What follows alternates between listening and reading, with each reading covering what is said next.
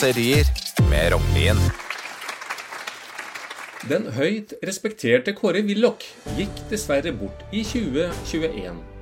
Men en norsk avis, jeg husker dessverre ikke hvilken, poengterte i 2013 at nå kunne han endelig kalle seg ekte norsk i en alder av 84.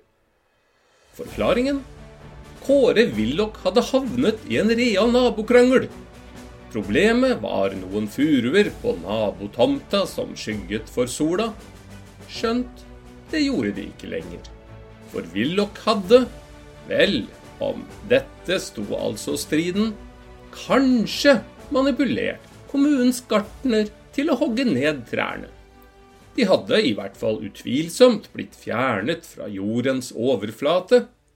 Motparten, Ullern Tennis, var sikre på sin sak. De organiserte den gang vaktlag for å passe på det siste, bokstavelig talt, gjenstående treet.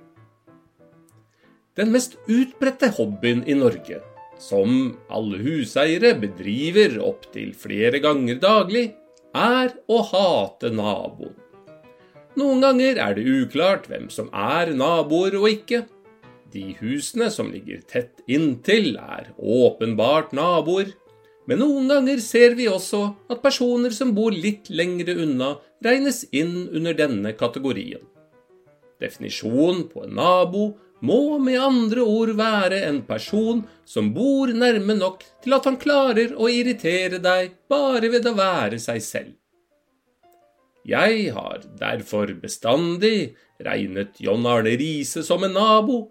Han har bodd i både Liverpool og London, og det var altfor, altfor nærme. Det er to former for nabovarsel. Den ene er lovpålagt og handler om at naboene skal varsles når du skal gjøre større inngrep på tomta di. Den andre formen er når et av familiemedlemmene ser naboen i oppkjørselen. Da runger 'Naboen kommer!' Og alle gjemmer seg bak sofaer, kjøleskap og andre store gjenstander der han ikke kan se deg når han myser inn gjennom vinduene. Det er ikke uvanlig at etter litt forgjeves ringing på dørklokka, høres han rope jeg vet dere er hjemme! Jeg har sett dere! Det gir deg tre alternativer. Det ene er å åpne opp og si at du sov. Det andre er å satse på at naboen bløffer. Det tredje er å ta en ordre. Men én ting skal Ullern Tennis ha. Skuddredde var de ikke. For en vanskeligere motstander skulle de lete lenge etter. Kåre Willoch var så god til å krangle at han ble statsminister. Hadde jeg selv fått ham til nabo i hans levetid, hadde jeg flyttet umiddelbart og holdt strengt hemmelig på visningen hvilken kranglefant huskjøperne måtte belage seg på å komme i strid med.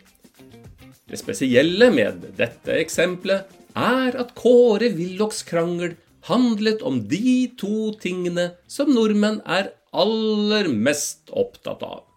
Nabojævelen og været. Furuene skygget tross alt for sola. Været er det sosiale limet i det norske samfunnet. Hvis noen kommenterer været i Norge, så kan vi ikke si at vi ikke bryr oss. Det vil bli oppfattet som en dyp fornærmelse. Til alle våre nye landsmenn. Hvis naboen kommenterer været, må du ikke finne på å si at det ikke interesserer deg. Det betyr at jeg har ikke lyst til å snakke med deg, vær så snill å gå din vei, eller hold kjeft. Klimakrisen skaper dog bekymringer. Mens det før kunne rekke å diskutere om det ville bli regn eller sol, må vi nå også drøfte mulige steinras, kvikkleireskred, flommer, sneras, havstigning, tsunamier og synkehull. Det er blitt livsfarlig å møte naboen ved postkassa på morgenkvisten hvis du har ting å utrette før klokken tolv. Hvis to menn møtes i ørkenen, og den ene sier Jammen er det varmt i dag, så er det stor sannsynlighet for at han er norsk. Hvis den andre svarer entusiastisk og interessert at temperaturen er ventet å stige ytterligere, så kan du være sikker på at han har møtt en landsmann. Med andre ord, skulle Ullern Tennis og Kåre Willoch igjen ha blitt venner, måtte de rett og slett ha gjort som andre nordmenn som har vanskeligheter med å komme på talefot. De måtte ha snakket om været. Det er slik vi løser konflikter med naboen her i landet. De første dagene later vi som om vi ikke ser hverandre.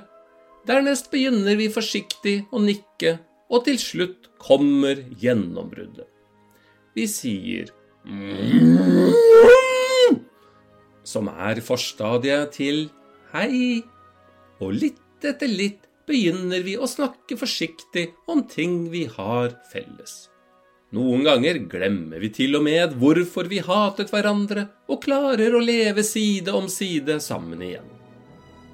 Selvsagt, når tiden har gått og vi nesten har begynt å like naboen, har det vokst opp en ny furu, og så er vi i gang igjen. Da er vi blitt så gamle at vi overlater konflikten til neste generasjon, og da kommer disse på fortellingene som deres forfedre fortalte om de grusomme naboene 30 år tilbake i tid.